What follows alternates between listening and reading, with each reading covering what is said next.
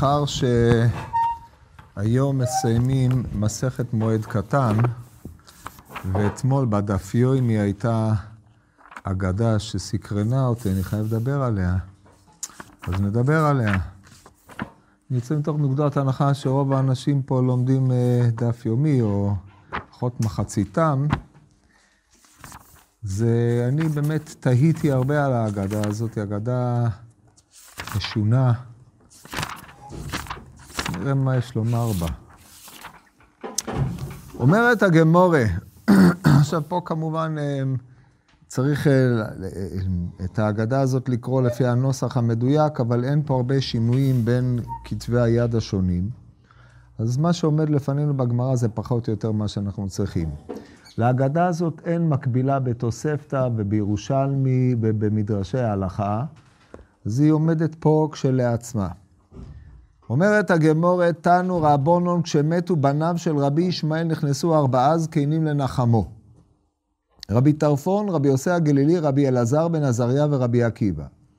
עכשיו, מי הוא רבי ישמעאל? קודם כל ניתן קצת רקע להכיר את הדברים. רבי ישמעאל הוא רבי ישמעאל בן אלישע. הגמרא במסכת שבת, בדף י"ג עמוד ב', מספרת על רבי ישמעאל בן, אה, רבי ישמעאל בן אלישע, שקרא לאור הנר בערב שבת וביקש להטות, או לפי רבי נתן ניטה, ואמר כמה גדולים דברי חכמים. הוא בר פלוגתא של רבי עקיבא המפורסם, הוא אחד מגדולי התנאים, מתלמידו של רבי נחוניה בן הקנה, כמו שאומרת הגמרא במסכת שבועס בד', והוא אמ, דבי רבי ישמעאל, תנא דבי רבי ישמעאל, וכל שיטת הדרשה של רבי ישמעאל מבוססת על אה, הגיונו בתורה. זה ה... יש לנו מחילתא דרבי ישמעאל, ספרי במדבר, ומחילתא דרבי ישמעאל, דברים שהם שברים ממנה אה, נמצאו ונתפסו, או במדרש תנאים שהוציא הרד"צ צופמן, או עכשיו במחילתא שהוציא אה, כהנא. ובקיצור, אחד מגדולי הדרשנים ואחד מגדולי התנאים. הוא בר פלוגתא של רבי עקיבא, בן, בן הדור של יבנה, בדור אחרי, אחרי רבי אליעזר ורבי יהושע, הוא למד, הוא היה תלמידו של רבי יהושע, רבי יהושע למעשה הציל אותו מן הגלות, כמו שאומרת הגמרא בגיטין, על ה... שראה שם נער יפה עיניים, ושהיה בקלון, לפי המדרש, או בבבלי, היה בבית האסורים. ופדה אותו משם ואמר, זה עתיד אה, שיהיה גדול בישראל, על בסיס הדרשה של הפסוקים בישעיהו. כל הדברים על הדברים ידועים, רק למקם אותו. יש לנו עוד רבי ישמעאל בן אלישע. הלא הוא רבי ישמעאל בן אלישע שמת על קידוש השם. כן, מי שמכיר את הסליחות האשכנזיות, לא הסליחות, הפיוט האשכנזי של אלה אזכרה שאומרים ביום הכיפורים, כן, במסגרת אה, מאז תחפו הצהרות וכולי, אז יש שם את הקטע המפורסם, תראה רבי ישמעאל עצמו והזכיר את השם הגדול בסילודים, שזה מעין אותו מה שאומרת הגמרא בברכות על רבי ישמעאל, שכהן גדול שנכנס לפני ולפנים, זה אותו רבי ישמעאל, רבי ישמעאל בן אלישע, שכנראה סבו של רבי ישמעאל הזה, הוא ורבן שמעון בן גמליאל, שהיה נשיא ישראל בזמן בית שני, זה רבן שמעון בן גמליאל, אביו של רבן גמליאל הזקן, רבן גמליאל דיבנה, בנו של רבן גמליאל הזקן, הם שניהם הוצאו להורג, הסיפור מפורסם במחילתא דמשפטים, ומופיע בעוד בכמה מקבילות בש"ס, סיפור שאולי אה, ננתח אותו, אחד הסיפורים, סיפור מאוד נוגע ללב, הוא מרתק ומורה את מעלתם הגדולה של החכמים והרגישות שלהם, הגדלות העצומה של החכמים והפער בין האדם הפשוט לחכמים הוא כמו בין, בין השמיים לארץ. על כל פנים, זה רבי ישמעאל בן אלישע, כהן גדול, הוא כבר אה, ערבב ביניהם, ערבבו ביניהם כמה חוקרים, ולא ידעו להבחין בין זה לזה, וכל הדברים הללו העיר הרב אהרון היימן בתולדות תנאים והמורים, בערך רבי ישמעאל בן אלישע השני. אז זה רבי ישמעאל שאנחנו מדברים עליו, בר פלוגתא דרבי עקיבא בכולי תלמודה, חברו של רבי אלעזר בן עזריה, רבי טרפון וכו', והוא כאמור כהן. אז הגמרא מספרת פה על אירוע שאין לנו שום ידיעות מעבר למה שכתוב עליו פה, שמתו בניו. היינו מתוך הסיפור עולה, מתו שני בניו של רבי ישמעאל. אז נכנסו אותם החכמים ארבעה זקנים נכנסו לנחמו. עכשיו, הדגש צריך לשים לב שהם נכנסים לנחם אותו. אז אנחנו עכשיו רוצים לשמוע מה תהיה הנחמה שהם נכנסים לנחם. במקבילה, אני כבר מזכיר סיפור מאוד מפורסם, שאם אה, יזדמן לי, אנחנו אולי נלמד אותו, על אה, רבן יוחנן בן זכאי, שנכנסו גם כן לנחמו, כי מת בנו. פה זה בניו, שם מת בנו של רבן יוחנן בן זכאי, נכנסו תלמידיו לנחמו, והם נוחלים כישלון נוקב. זאת אומרת, כל אחד אומר משהו ואומר לו, עד עכשיו הייתי מצטער בשלי, עכשיו הזכרת לי את הצער של זה, ועד שרבי אלעזר בן ערך שינה את הכיוון ואמר, אתה ניחמת אותי. זה הסיפור, שם. סיפור באבות רבי נתן, אין לנו מקבילה בבבלי ולא בירושלמי ולא במדרשים הקדומים, אבל זה הסיפור, הוא היותר מפורסם, כי הסיפור הזה אין, לו, אין בו דיאלוג בכלל.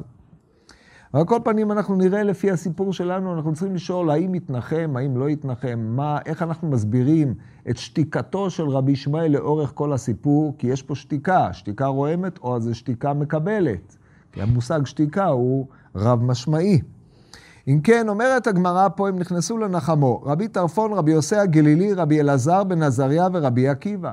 סדר מרתק, כי רבי טרפון ורבי יוסי הגלילי הם מבוגרים. מרבי אלעזר, רבי אלעזר בן עזריה ורבי עקיבא, רבי טרפון, אנחנו יודעים שהוא מבוגר שבהם, והוא הדין לגבי רבי יוסי הגלילי, שניהם היותר מבוגרים. מה שאין כן רבי אלעזר בן עזריה, שהוא הצעיר שבחבורה, כמו שעולה מן הגמרא במסכת ברכות לגבי מינויו לנשיא, ורבי עקיבא, שהוא הסוגר, כי הוא לא כהן, והוא גם בן גרים. מכל מקום הם נכנסים לבקרו. עכשיו, יש פה כמה תופעות מעניינות שמעוררות תהייה. אומרת הגמורה, אמר להם רבי טרפון, דעו שחכם גדול הוא ובקיא באגדות. זה לא שהוא מחדש להם משהו. לא שזה בפעם הראשונה שהם עומדים לפגוש את רבי ישמעאל, את רבי ישמעאל הם מכירים. דעו, זה תכירו בעובדה שכשאתם מנחמים, אתם עומדים מול חכם גדול, א', ובקיא באגדות. לכן באמת דברי התנחומים שלכם צריכים להיות מתאימים, הוא מבין רמיזות, הוא לא זוקק יותר מדי הסברה, הוא בקיא בהגדה ולכן די ברמיזה כדי שהוא יקלוט את כמו שאתם אה, אומרים, כן, זה אדם חכם שמבין מדעתו, הוא בקיא באגדות, פירושו של דבר שגם אם אתם נותנים לו איזה רמיזה בפסוק, הוא יודע להשלים אותה עד הסוף. לכן תוספת מילים היא אח למחסור. דבר שפתיים אח למחסור, כמו שכתוב במשלי, כן? לכן תהיו מדויקים, מצומצמים, ואז הוא מוסיף עוד משפט שהוא סתום. ואומר, אמ, אל, ייכנס אחד מכם לתוך דברי חברו. התימה מבוארת, משנה במסכת אבות, שבעה דברים בחכם והיפוכם בגולם. אחד מהדברים המאפיינים את הגולם, שהוא נכנס לתוך דברי חברו. אז לבוא להגיד, תדעו, אל תנהגו כגלמים כשאתם נכנסים לנחם את אה, רבי ישמעאל, באמת דבר תמוה. אז כבר עמדו על זה המפרשים. המהרש"א טוען ש... אל תתחילו להתווכח על הדרשה שאם אתה מנחם באופן זה, אל, אל תקשה לו איזה קושייה מאיזה קצות, או מאיזה משהו אחר, או מאיזה דרשה שראית מאיזה ספר, כי אז רבי ישמעאל יתחיל להתערב, כי הרי חכם גדול הוא בקיא באגדות, וירבה הפלפול באותו היום, ואסור לשמח את האבל בדברי תורה, אסור לעסוק בדברי תורה. אז אל תגרו אותו. בקיצור, לא לעורר פלפול. במילים אחרות, אתם לא נכנסים לבית המדרש, אתם נכנסים לבית האבל, כן? אבל אה, אחרי בקשת המחילה קצת קשה להגיד, גם על זה יש לתמוע. הרי וכי הם לא יודעים שאסור אה, לשאת ולתת בדברי תורה בבית האבל. זאת אומרת, זו מחלוקת פה, אבל כל פנים, אם זה המכוון, גם זה דבר ידוע. וחוץ מזה, הם באו לנחם אבלים, ממתי הם באים להתווכח אחד עם השני על דברי התנחומים, להגיד לו, לא, זה לא תנחום נכון, כי ה... זה לפי שיטה מסוימת, אבל רבי ישמעאל דורש את המקרא באופן אחר, ולכן הוא לא יתנחם מהאופן שבו אתה אמרת. זה לא מתקבל כל כך. לכן הדברים הללו הם טעונים ביאור. מה הכוונה הפשוטה בדברים האלה?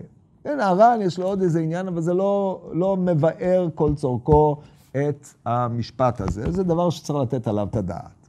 עכשיו, אנחנו נקרא את כל התנחומים, אחרי זה נעבור עליהם אחד-אחד, בעזרת השם, לפי מה שנספיק, ואנחנו תמיד צריכים לשאול את עצמנו כמה שאלות. שאלה ראשונה, מה הוא רצה לומר בנחמה שלו? שאלה שנייה, כל אחד מוסיף על קודמו, מה הוא בא להוסיף על קודמו?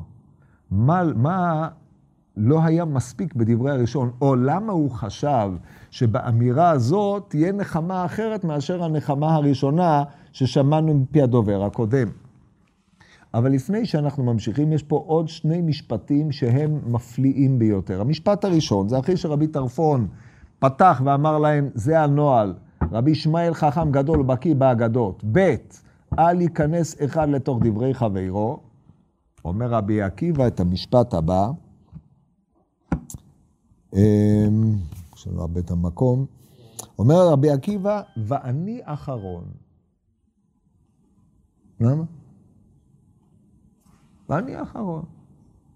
מה, מה זה משנה מה הסדר? זאת אומרת, הוא אומר, אני לא, רוצה, אני לא רוצה לריב איתכם על המקומות, אני מראש מצטנע ולוקח את המקום האחרון.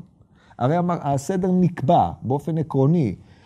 רבי עקיבא, אה, רבי טרפון, שהוא גם כהן, כידוע לכם, האכיל 300 נשים, קידש 300 נשים כדי להאכיל אותם תרומה, הוא גם הזקן שבחבורה, אז הוא ראשון בכל מקרה. כן, אז על המקום הראשון אין להתווכח. על המקום, רבי אלעזר בן עזריה, גם הוא כהן. אלא שהוא נדחק מסיבה עלומה למקום השלישי, מפני שהוא צעיר. אז בין רבי יוסי הגלילי ורבי עקיבא, לעולם בכל המחלוקות בש"ס, תמיד רבי יוסי הגלילי קודם לרבי עקיבא. אז הוא ממילא יהיה לפניו. כיוון שהוא יותר מבוגר מרבי אלעזר בן עזר, הוא היה שני, אז מה הוא צריך להגיד ואני האחרון? מה הוא רצה באמירה הזאת? ואחרי שנקרא את כל הסיפור, אתה צריך לשאול את עצמך, טוב, אז היית האחרון, מה, מה ישנה, מה הרווחת בהיותך האחרון? אלה השאלות העולות מהחלק הראשון. עכשיו הם נכנסים לרבי ישמעאל. כידוע לכם, לא מנחמים, זאת אומרת, לפי הגמרא שלושה לבכי, ואז הוא לא אומר כלום. ואחרי זה בשבעה לשלושה, כן, שלושה לבכי, אז שבעה לאבלות, מהיום הרביעי הוא הוא מתחיל לדבר. אבל אתה לא יכול לפתוח בנחמה עד שהאבל לא פותח את פיו ואומר מה שהוא אומר. ככה אומרת הגמרא קודם לכן, בגדרי אבלות זה, כך להלכה. אז כשהם נכנסים, הם מתיישבים לפני האבל, והוא צריך לפתוח בדברים. יכול, יש לו מבחר אינסופי של מה שהוא יכול להגיד, ופה הוא אומר, מטיל פצצה.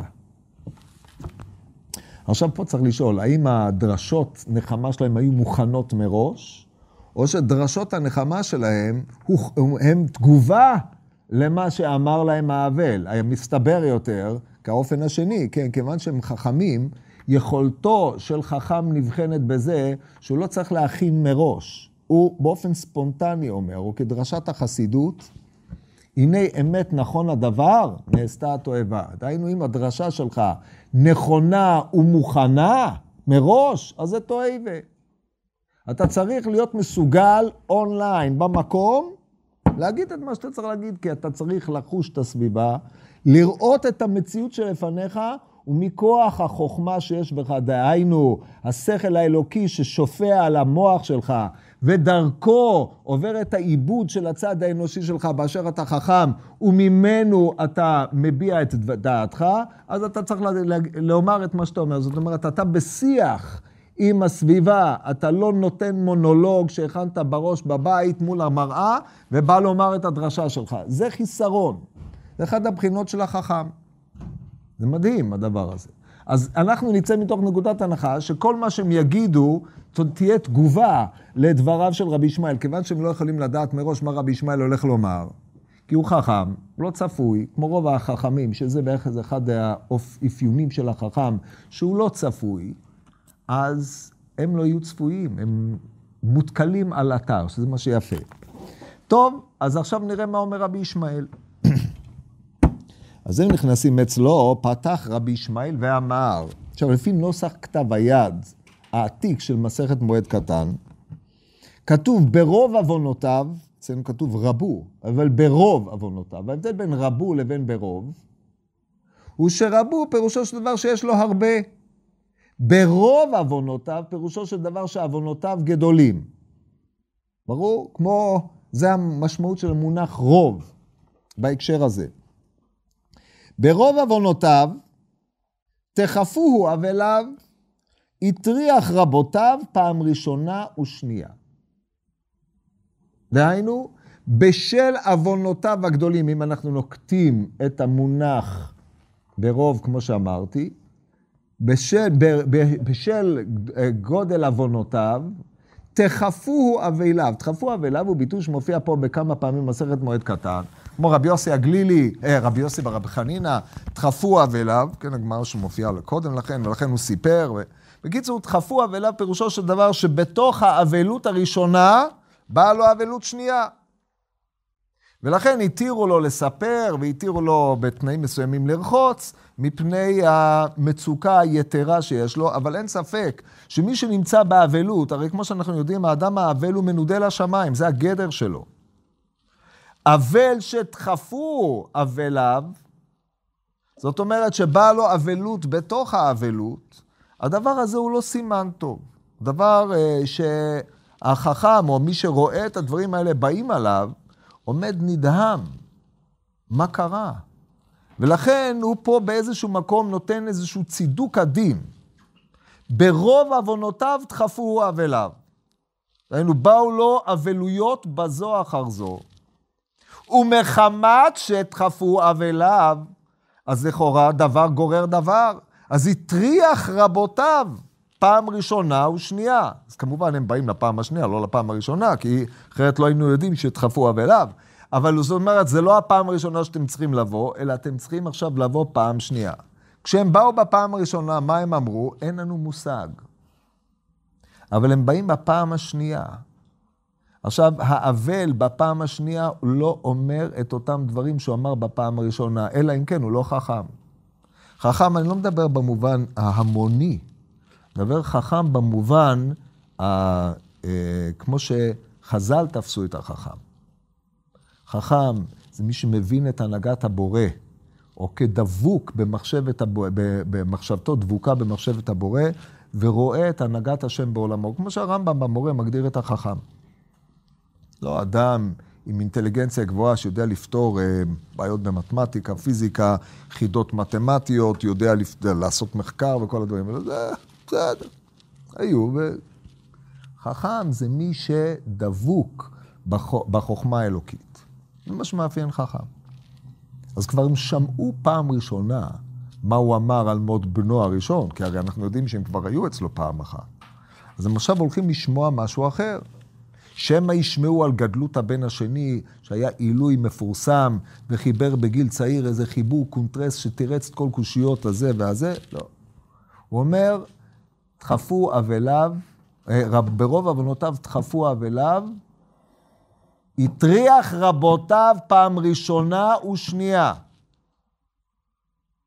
כשבאו אליו רבותיו בפעם הראשונה, זה מעניין שקורא להם רבותיו, כי הרי הם חבריו, אבל זה היחס שלו אליהם. אז אנחנו יכולים ללמוד מהאישיות על אה, כמה קווי אופי. רבי ישמעאל הוא אדם ענב. אדם שלמד מהחכמים, קורא להם רבותיו. הלומד מחברו דבר אחד, קורא לו רבי, כן? אז ככה הוא רואה בהם רבותיו. כי אם הוא היה רואה בהם חבריו, אתה לא מטריח חבר, כי החבר בא אליך לקיים מצוות ניחום אבלים. אבל פה, זה שלהם זה מצוות ניחום אבלים מבחינתו, זה הטרחת רבותיו. מה עומד ביסוד המחשבה הזאת? אלמלא שהיו עוונותיי גדולים, הם לא הייתי צריך, לה... הם לא היו באים לפה, נמצא שאני, בגללי הם נטרחים לבוא הנה. ואיגלה מילתא למפרע שמי שתחפו אליו, אז הם באים לפה, נמצא שהטרחתי אותם פעמיים. ככה אנחנו צריכים לנתח את המשפט הזה. עוד נחזור להשקפה שעומדת ביסוד הדברים האלה, צריך לפתח את זה קצת יותר. טוב, אולי נפתח את זה עכשיו קצת יותר, כי אנחנו צריכים על רקע זה להבין את התגובה של החכמים. אבל לא, נראה את התגובה של החכמים, אחרי זה נחזור לנתח את זה קצת יותר. טוב, אז זה הפתיחה של האבל, ועכשיו בבקשה תגיב. אתם צריכים להגיב למשפט הזה. איזה תגובה אתה יכול לתת? מה הדבר שלא הזכירו פה בכלל, בכל העסק? מה רבי ישמעאל לא אמר, הוא לא אמר כלום. תחפו אבל, אני אבל פעמיים, בגלל שאני כבד עוון. איפה הבנים? מה הוא אמר עליהם? מצטער עליהם? לא אמר כלום. שום דבר. אין מילה אחת על הבנים. עכשיו בואו נראה את הנחמות. נענה רבי טרפון ואמר, ואחיכם כל בית ישראל יבכו את השרפה אשר שרף השם. ועלו הדבורים קל וחומר. ומה נדב ואביהו שלא עשו אלא מצווה אחת. תכתיב ויקריבו בני אהרון את הדם אליו. עכשיו, בנוסח. של האוקספורד הזה, 366, כתוב וימציאו. מה העניין? העניין שפעם כתוב ויקריבו בני אהרון אליו את הדם, ופעם כתוב וימציאו. בקורבן החטאת כתוב ויקריבו, בקורבן השלומים, של היום השמיני, כתוב וימציאו. שם כתוב וימציאו. מעניין, מה, מה יותר מעשה, להקריב או להמציא? הווה אומר להקריב, אתה מקרב את הרחוקים, אתה ממציא, זה פשוט אתה מזמן לו כדי שהוא ייקח. אז אנחנו ננקוט בנוסח הזה של וימציאו שהוא יותר דרמטי. אז אם בני אהרון, נדב ואביהו, לא היה בהם אלא מצווה אחת, שהמציאו את הדם לאהרון הכהן כדי שהוא יוכל לזרוק אותו על המזבח סביב. ומה בני אהרון, אומרת הגמורה? ומה נדב ואביהו שלא עשו אלא מצווה אחת? לא עשו אלא מצווה אחת. כל העולם קפץ על המשפט הזה. לא עשו אלא מצווה אחת, דכתיב ויקריבו בני אהרון את הדם אליו, כך. זאת אומרת, זכו, או נאמר עליהם, וכל בית ישראל יבכו את השרפה אשר שרף השם. בניו של רבי ישמעאל, על אחת כמה וכמה. שמה? שכל בית ישראל צריכים לבכות את השרפה? בזה הוא סיים את הנחמה שלו. אז כבר רש"י הרגיש בקושי, כמו שאמרנו. כותב רש"י, אמ, באיזשהו מקום, זה לא הרש"י הזה, זה ב... בואו נראה. טוב, אני לא רואה את זה פה ברש"י, ברש"י שבעין יעקב נראה לי זה מופיע, אולי זה... לא, לא, לא, כתוב שבו ביום, כל המפרשים ככה ציטטו את הרש"י הזה. אמ. אה, כן, שהוא, אמ, המצווה הזאת שהם עשו, הם עשו בו ביום. כי כולם התקשו, וכי מצווה אחת הייתה לבני אהרון הכהן, הרי כתוב, הוא בקרובה יקדש, ועל פני כל העם אכבד. אומרת הגמרא, זו גמרא בזבחים, מופיע גם במדרש, בספרה, ונוגע לפסוק של פרשת השבוע, ונקדש בכבודי. סבור הייתי או בי או בך, עכשיו אני רואה שהם גדולים מאיתנו. והגמרא פה, רבי טרפון, לא מצא להם אלא דבר אחד, לא עשו אלא מצווה אחת. אז רש"י כותב בו ביום. אז מה, ואם אדם לא עשה מצווה בו ביום, לא מגיע לו הספד? מה מייחד את המצווה בו ביום? אבל באמת בפשוטו לא מצינו שום דבר על נדב ואביהו. כלום. הדבר היחיד הראשון שאנחנו מוצאים חוץ מזה שפעלו עליהם, או זה שהם... אה, הם עלו, עלה אליי אתה, ואהרון נדב ואביהו ושבעים מזקני ישראל. הם עלו עם שבעים מזקני ישראל, אין, אין שום דבר שמייחד את המעשה שהם עשו, חוץ מן הדבר הזה.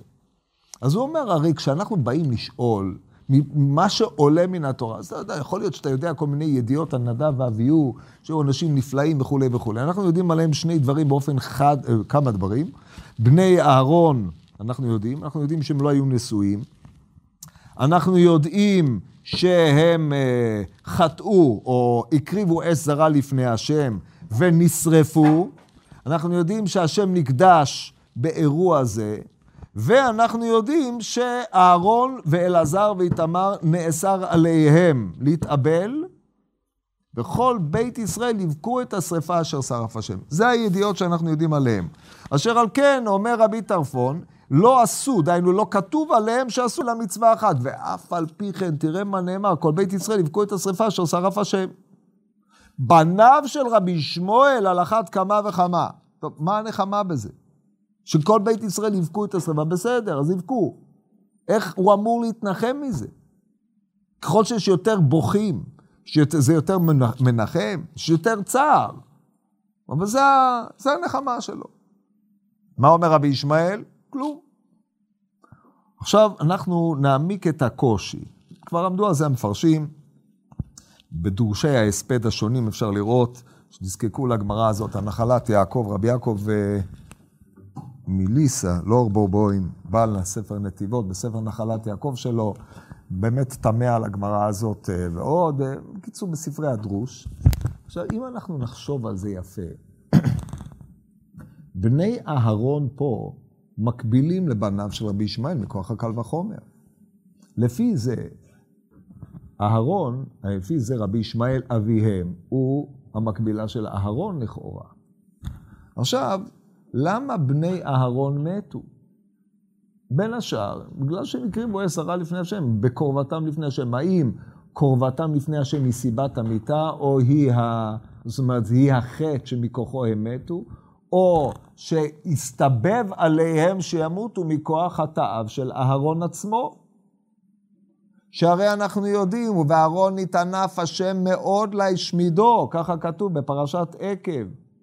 אהרון עצמו בספרה אומר, בעוונותיי הם מתו. יוצא שהעמדת מות בני אהרון וההספד עליהם, בהקשר המסוים הזה, יש בו אולי איזושהי רמיזה ליחס בין רבי ישמעאל לבניו, או הצדקת הקביעה של רבי ישמעאל ברוב עוונותיו תכפו אבליו. שזה לא מהדברים היותר מנחמים, אדרבה, זה הדברים היותר מצערים, כן? היינו מצפים ש... לא, לא, זה לא כמו שאתה חושב, יש חשבונות אחרים, הרבה דרכים מופלאים למקום, אבל אתה מציב לו את אותו מודל. לכאורה. הדבר הזה משונה. אתה מצפה שזה תהיה נחמה, נחמה רבתי. טוב, נעבור למנחם הבא, שהוא עוד יותר מפליא. בא רבי יוסי הגלילי ואומר כדברים האלה. נענה רבי יוסי הגלילי ואמר, וספדו לו כל ישראל וקברו אותו. אנחנו נקרא את פסוקי הרקע כדי שדברים יהיו מחוברים לכל, כי גם חשוב לי שתשמעו את פסוקי הרקע. כתוב שם בספר מלכים א', פרק י"ד, מספר על אביה בן ירבעם שחלה. ונשלחה אשת ירובעם אל אה, אחיה הנביא כדי לדרוש בשלמה. אז היא לבשה שם, היא באה כמתנכרה, דהיינו לבושה ב... באופן שלא יכירו אותה, עם מסכה בקיצור, או משהו, לא יהיה. קומי והשתנית ולא ידעו כי את אשת ירובעם והלכת שילה והנה שם אחיה הנביא, הוא דיבר עליי למלך על העם הזה. ולקחת בידך, בקיצור, תקחי לו איזה תשורה ותבקשי ממנו שיגיד איזה כמה תהילים ויגיד איזה משהו. טוב, עכשיו הנה, אומר לו ירובעם, אומר לו אחיה, שכמובן הוא רואה, לא, הוא הרי הוא לא רואה בעיניים, אבל הוא רואה בחזון, הוא רואה בדיוק מלפניו, ואז הוא אומר לאשת ירובעם את הדברים האלה, לכן, הנני מביא רעה אל בית ירובעם, והכרתי לירובעם משתין בקיר, עצור ועזוב בישראל, וביערתי אחרי בית ירובעם כאשר יבער הגלה לתומו. המת לירובעם בעיר יאכלו הכלבים, המת בשדה יאכלו עוף השמיים, כי אדוני דיבר. ואת, קומי לכי לביתך, בבואה רגלייך העירה ומת הילד. וספדו לו כל ישראל וקברו אותו. כי זה לבדו יבוא לירובעם אל קבר. יה נמצא בו דבר טוב ולאדוני אלוהי ישראל בבית ירבעם. למה הוא מת? הוא היה חולה, כמובן. אבל למה הוא היה חולה כדי למות? כי הוא בנו, הוא בנו של ירבעם. כן? זאת אומרת, אה, אלא מה?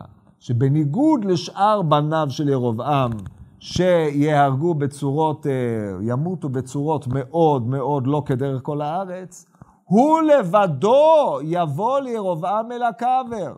ולא זו בלבד, אלא יעשו לו הספד ממלכתי. וספדו לו כל ישראל וקברו אותו. אז אומר רבי יוסי הגלילי, בואו תראו, ומה זה? אומר רבי יוסי הגלילי, וספדו לו כל ישראל וקברו אותו, אבל הדברים קל וחומר. ומה אביה בן ירובעם שלא עשה אלא דבר אחד טוב? דכתיב ביעל נמצא בו דבר טוב, כך. בניו של רבי שמואל על אחת כמה וכמה. שואלת הגמורה מה הדבר הטוב שהוא עשה, או שהוא עלה לרגל, או שהסיר פרדיסאות, זה, זה לא כזה משנה לענייננו. כתוב אומר, נמצא בו דבר טוב. אנחנו מבינים שלא היה בו שום דבר חוץ מדבר אחד טוב. כן, הרמב"ם בהלכות תשובה, פרק ג', הלכה ב', יש מעשה אחד טוב שהוא כנגד כמה עוונות, שנאמר, יא נמצא בו דבר טוב. כן, זאת אומרת, הוא לא היה, הוא רשע. הוא ממשיך את בית ירובעם. הדבר היחיד שעשו לו זה ספדו לו כל ישראל, והוא נקבר קבורה רגילה. אומר רבי יוסי הגלילי, אם בנו של ירובעם, שהיה בו רק דבר אחד טוב, ספדו לו כל ישראל וקברו אותו, בניו של רבי ישמעאל על אחת כמה וכמה. עכשיו, הדימוי פה הוא עוד יותר בעייתי, כן? לא צריך הרבה דמיון כדי לראות את בנו של ירובעם בן נבט, שמת בכל יום מחמת היותו בנו של ירובעם. אף על פי כן זכה הבן להספד ממלכתי. אז בניך, שהם במעלה יתרה מבנו של ירובעם בן נבט, ודאי שהם ראויים להספד ממלכתי. אז אתה עומד ושואל את עצמך, רבנו, מה, זה, על זה נחמה תחשב? מה הולך פה? עכשיו, זה עוד יותר גרוע מהדבר הקודם. אתה מבין? זה בדיוק באותה תבנית, אלא שם אהרון הוא אדם צדיק, יש מקום לתלות את מותם של בניו בו, יש מקום לתלות את מותם של בניו בעצמם.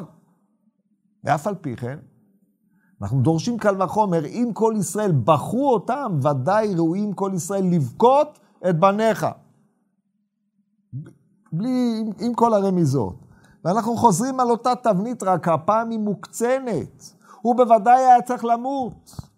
אבל האופן שבו הוא מת, והאופן שבו הוא מת, בגלל שהיה בו דבר טוב, הוא מת מיתה מכובדת. אז בניך, שאנחנו לא נוסיף, כן? שהם מתו, ודאי ראוי שיספדו עליהם, כן? הכל מונח פה ביסודם של דברים. הרי דיו, אם אנחנו, כשהם עושים קל וחומר, אומרים גם דיו. אתם מבינים מה אמרתי? דיו לא בא מן הדין, להיות כנידון. אז, אז יש פה, אתה שואל את עצמך, נו, מה, מה העניין? הלאה. הדבר השלישי. בא רבי אלעזר בן עזריה, הרי הוא לא יכול לחזור על המוטיב הזה, אז הוא יציע מוטיב אחר, לכאורה. אומר רבי אלעזר בן עזריה, נענה רבי אלעזר בן עזריה ואמר, בשלום תמות ובמשרפות אבותיך המלכים הראשונים אשר היו לפניך ישרפו לך. מה העניין? אנחנו יודעים שהמלך צדקיהו, כתובים עליו דברים קשים. כן, הגמרא אומרת, וכמו שיראו פה תוספות, צדקיהו צדיק גם הוא היה. כן, אבל כשאתה קורא את המקראות, אז כתוב מפורש על צדקיהו, נקרא לכם מה כתוב עליו. בן עשרים ואחת שנה צדקיהו במולכו, ואחת עשרה שנה מלך בירושלים, ושם אמו חמוטל בת ירמיהו מלבנה. ויעש הרע בעיני אדוני ככל אשר עשה יהויקים. כי על אף אדוני הייתה ירושלים וביהודה עד השליחו אותה מעל פניו, וימרוד צדקיהו במלך בבל. גם בספר דברי הימים, שהוא ספר אוהד של מלכי יהודה, הוא לא נתפס פה כ... כתוב פה דברים חמורים מאוד, בואו נקרא לכם את זה בפרק. הוא אומר ככה: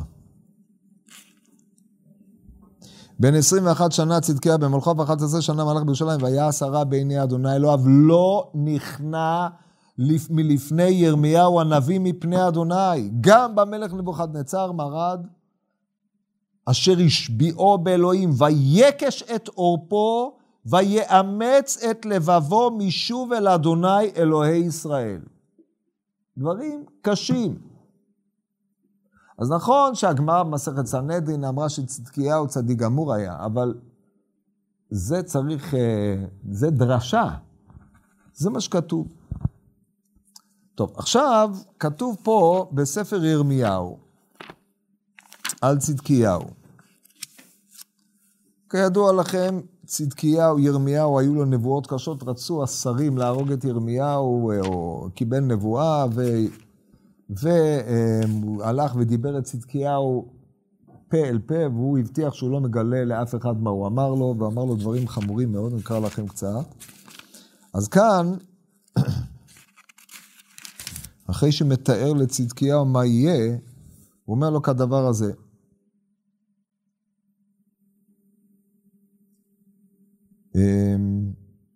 הדבר אשר היה אל ירמיהו מאת אדוני הוא נבוכדרצר מלך בבל וכל חילו וכל ממלכות ארץ ממשלת ידו וכל העמים נלחמים על ירושלים ועל כל עריה לאמור. כה אמר אדוני אלוהי ישראל הלוך ואמרת את צדקיהו מלך יהודה ואמרת אליו כה אמר אדוני הנני נותן את העיר הזאת ביד מלך בבל ושרפה באש ואתה לא תימלט מידו כי תפוס תיתפס ובידו תינתן ועיניך את עיני מלך בבל תראנה ופיהו את פיך ידבר, ובבל תבוא. אך שמע דבר אדוני צדקיהו מלך יהודה, כה אמר אדוני עליך, לא תמות בחרב. בשלום תמות.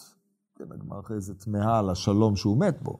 ובמשרפות אבותיך המלכים הראשונים אשר היו לפניך, כן ישרפו לך, הוידון ויספדו לך, כי דבר אני דיברתי נאום אדוני.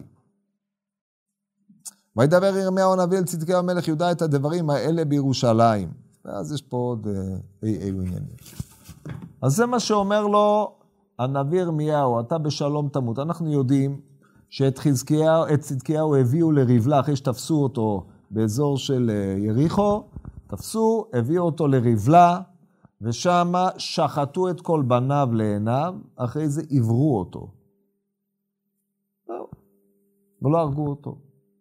והגמרא פה בהמשך תמהה על השלום שהוא מת בו, והיא דנה על העניין הזה, וזה חורג מענייננו. על כל פנים, זה היה סופו. הנקודה המרכזית מתולדות חייו של צדקיהו, שלא היו השמחים ביותר בעולם.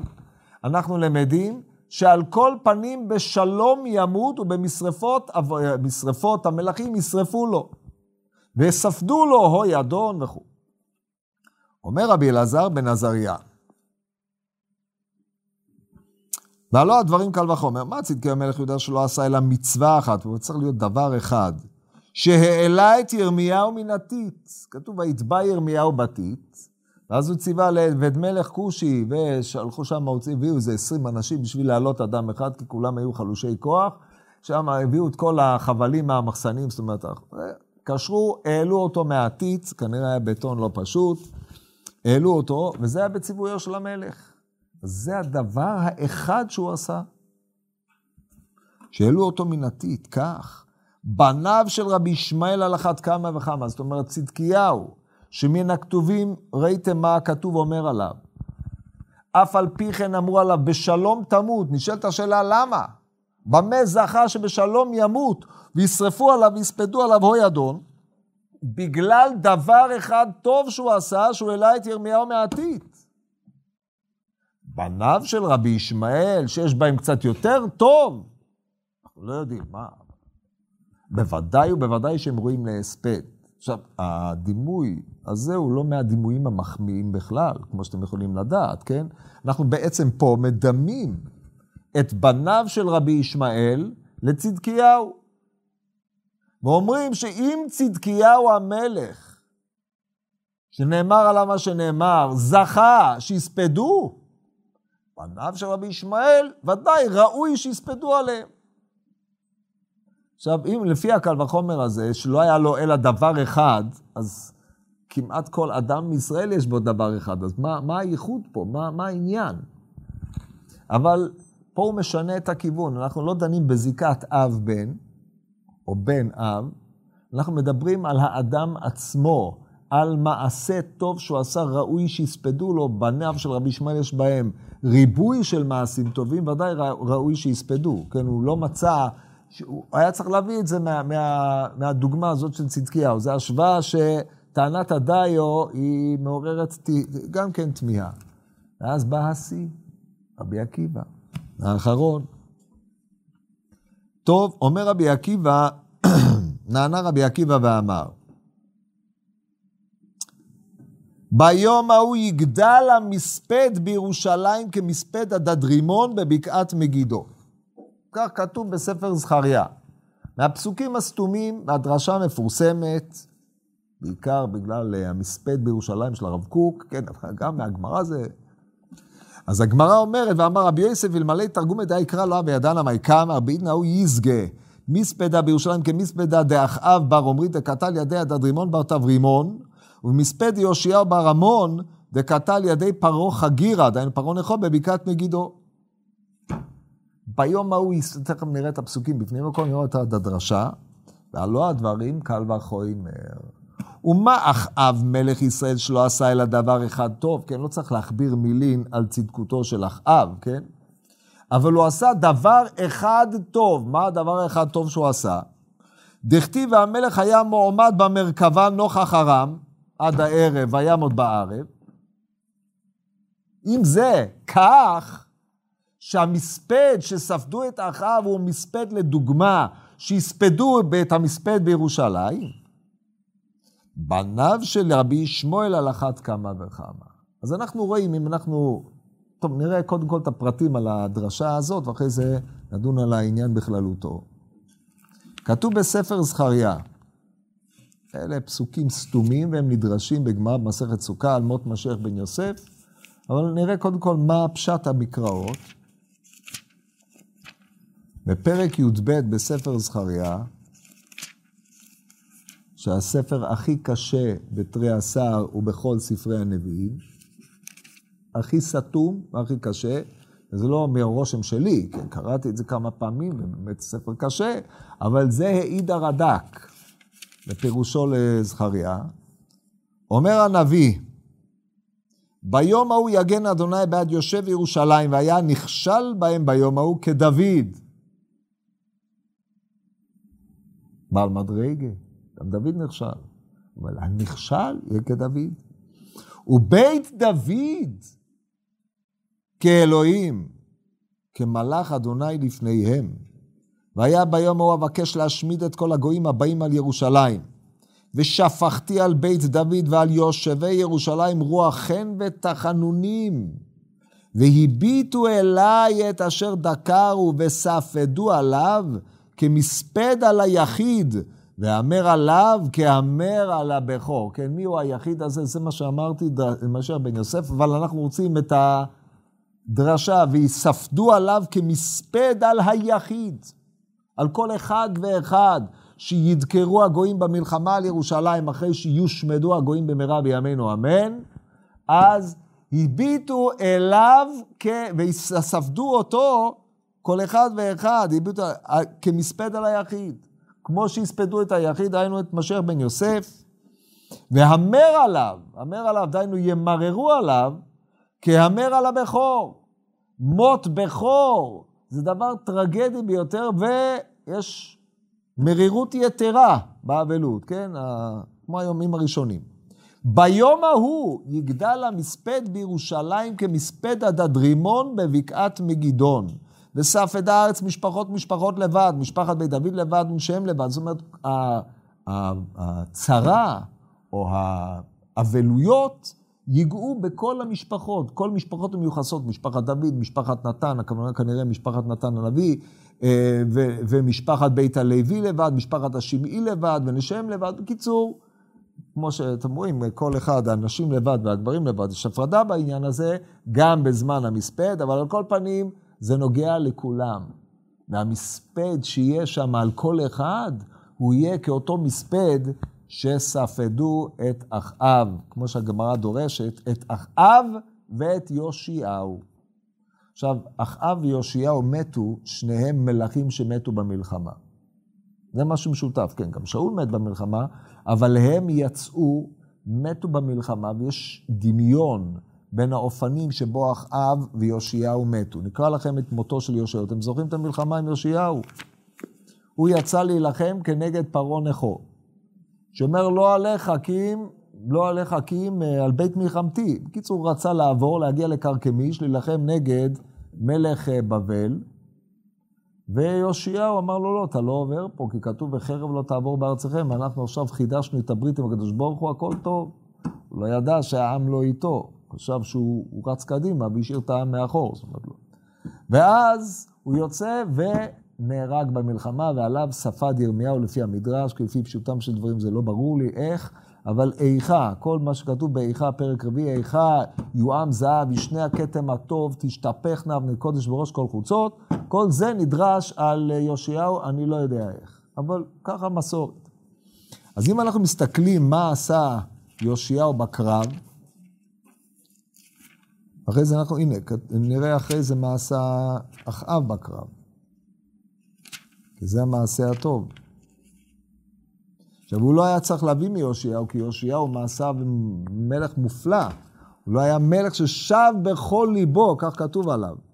על כל פנים, בקרב שלו, אני אפתח את זה, כתוב,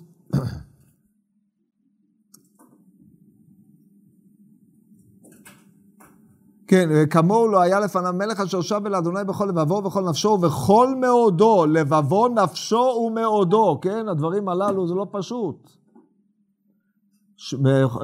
קיים את מה שכתוב במצוות קריאת שמע, זה מדהים, כן? מי שרוצה להתרשם, להסתכל בסוף פרק י' מלכות תשובה. וככל תורת משה ואחריו לא קם כמוהו, אך לא שב אדוני מחרון אפו הגדול אשר חרה אפו ביהודה על כל הכעסים אשר יכעסו מנשה. ואז מה קורה? בימיו עלה פרעה נכו מלך מצרים על מלך אשור על נהר פרת וילך המלך יהושע לקראתו וימיתו במגידו כראותו אותו. וירקידו, זה, זה מה שכתוב פה. עכשיו בתיאור המקביל בספר דברי הימים, כמו שאמרתי זה כנראה דברי הימים במלכי יהודה, בטח אה, לפי כל התוכן של הספר הזה, אנחנו קוראים קצת יותר. זהו פה. רגע.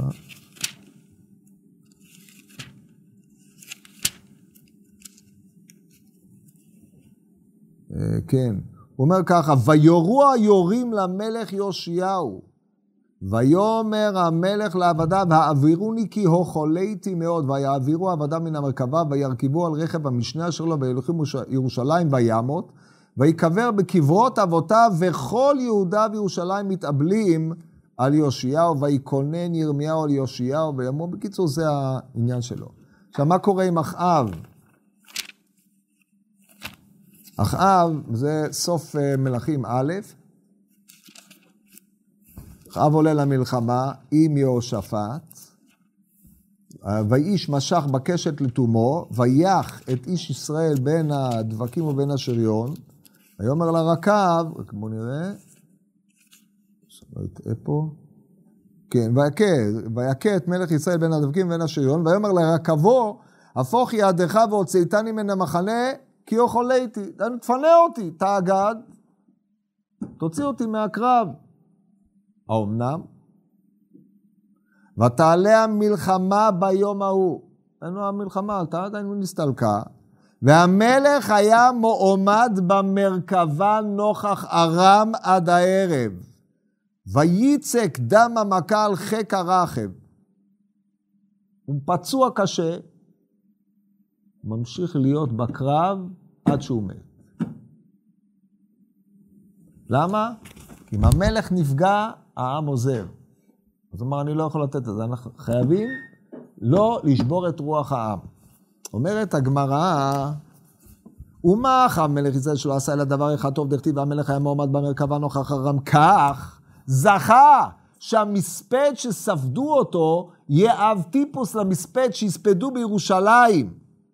על כל אחד שימות בזמן אה, גאולת, אה, בזמן בוא משיח צדקנו קצת לפני, או, או מקווה שזה כבר היה, אבל לא משנה. בכל מקרה, אז, אם זה המספד, אז בניו של רבי ישמעאל, שיש בהם ודאי ובוודאי יותר מדבר אחד טוב, ברור שראוי להם המספד.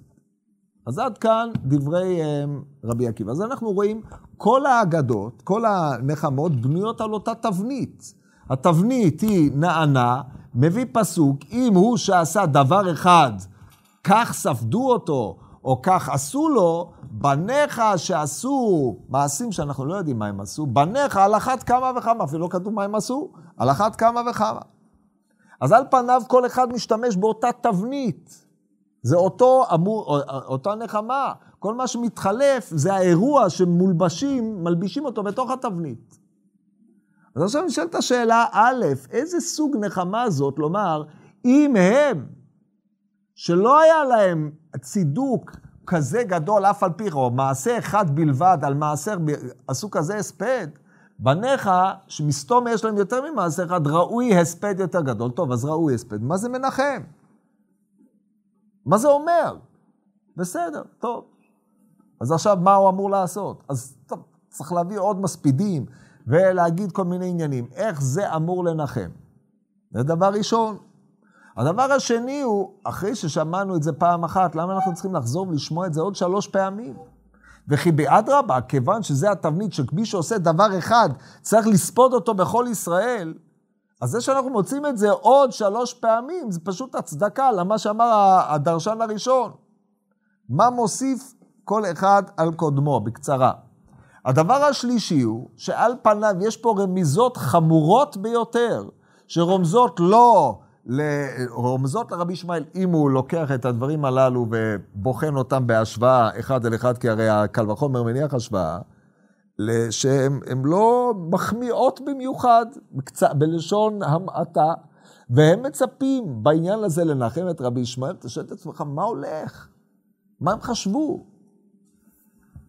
הדבר הנוסף שאנחנו צריכים לשאול, מה הרוויח רבי עקיבא בזה שהוא היה האחרון? חוץ מזה שהדרשה שלו יותר מתוחכמת, כי הוא היה צריך למצוא דבר טוב לאחאב, הוא לא מצא דבר טוב לאחאב, כתוב על אחאב, ויקנא ויהלך את, כן, ככה כתוב, אחרי אה, שבא אליו אליהו בפרק כ"א ואומר לו, רצחת גם ירשת, תן לו איזה שמוס על מה שהולך להיות אצלו, ואז הוא אומר, יען כי ראית שנכנע אחאב מלפניי לא אביא הרעה בימיו. אז זה לא, זה לא דבר טוב. אבל העמידה במרכבה עד הערב זה העניין המהותי שהביאו על אחאב, בסדר, ואז קל וחומר בניו של רבי ישמעאל שמה? מה הקשר בכלל בין מה שאחאב עשה בתור מלך, שהעמיד את עם ישראל ולא נתן להם ליפול במלחמה לבניו של רבי ישמעאל, שלא הגיעו למדרגה הזאת. עכשיו פה צריך לשאול, בני כמה היו בניו של רבי ישמעאל? יש לנו שתי אפשרויות, או גדולים או קטנים, אין יותר אפשרויות. אם הם היו קטנים, אז אי אפשר לעשות קל וחומר, עשו מצווה אחת, כי אין, אין משמעות למה שיעשה ילד קטן. חוץ מזה, אומרת הגמורה בשבת בדף ל"ב, בניו הקטנים של אדם מתים בעוונותיו, בעוון נדרים, בניו הקטנים מתים. כן? הרמב"ם בפרק ד' מלכות תשובה מביא את זה. אז אי אפשר, אז אחד מן השניים. אם רבי ישמעאל תולה בעוונותיו את מות בניו, אז צריכים להניח שהם קטנים. אז אם הם קטנים, אז כל הקל וחומרים שנאמרו עד עכשיו, הם לא נכונים, לא רלוונטיים. אתה לא יכול לבוא ולהשוות את בניו הקטנים של רבי ישמעאל לנדב ואביהו שעשו מצווה אחת, כי הם לא יכולים לעשות מצווה, מפני שהם לא הגיעו לגיל שהם יכולים לעשות מצווה. אין משמעות למעשה קטן, כמו שאנחנו מדברים מההיבט ההלכתי. לא שהם היו ילדים טובים בגן, התנהגו יפה, למדו בתלמוד תורה קצת וכל זה. לא, זה לא, מדבר, לא מדברים על הדברים האלה. אז חייבים להניח שהם היו גדולים. אבל אם היו גדולים, איך רבי ישמעאל אומר ברוב עוונותיו, תחפו אבליו? הרי יש לנו כלל, פוקד עוון אבות על בנים, כן? גם לפני שבא יחזקאל ושינה את כל האשקופה, פוקד עוון אבות על בנים, שהאבות, עוון האבות נפקד על הבנים, כפי תרגום האונקלוס, במחזיקים במעשה אבותיהם בידיהם, בנים מתים בעוון אבותם. נענשים על מעשה אבות עד שבא יחזקאל ואמר, הנפש החוטאת היא תמות, בן לא ימות בעוון האב ואב לא ימות בעוון הבן. בא רבי ישמעאל והפך את היוצרות. כן, צריך... בואי, בואי. בא רבי ישמעאל הפך את היוצרות. הבנים צריכים למות בעוון האבות. משם מה כדבר הזה? מניין לא? זה שמאיזה פינה וצד שלא תסתכל על ההגדה הזאת, היא אומרת דורשני. עכשיו, אם היה לי עוד שעה, הייתי אתן לכם תשובה ל... אז אבל... אז טוב, אז בעזרת השם בפעם הבאה, בינתיים תעיינו בכל המפרשים, מה שאתם יכולים לעיין, מה שאתם יכולים לראות, כי לא נראה לי שתמצאו פתרון טוב, לא עיינתי, ולא מצאתי פתרון טוב, צריך uh, לחשוב אחרת, בקיצור, זה הרעיון פה. באופן שבו הלכתי, זה החשיבה הסטנדרטית, הרגילה, שכולם קוראים, וזה החשיבה המזומנת, אתם תיתקעו בקיר. מה שאמרתי זה קיר. כל ניסיון לחצוב דרך הקיר הזה יגביה את ה... או יעמיק את הקיר, יעמיק אותו, יחזק אותו, ולא תמצאו פתרון. ואני צריך לחשוב אחרת לחלוטין את ההגדה הזאת. זה היתרון שבה. וצריך לשאול למה רבי ישמעאל לא אומר כלום. ולמה רבי עקיבא היה בסוף. טוב.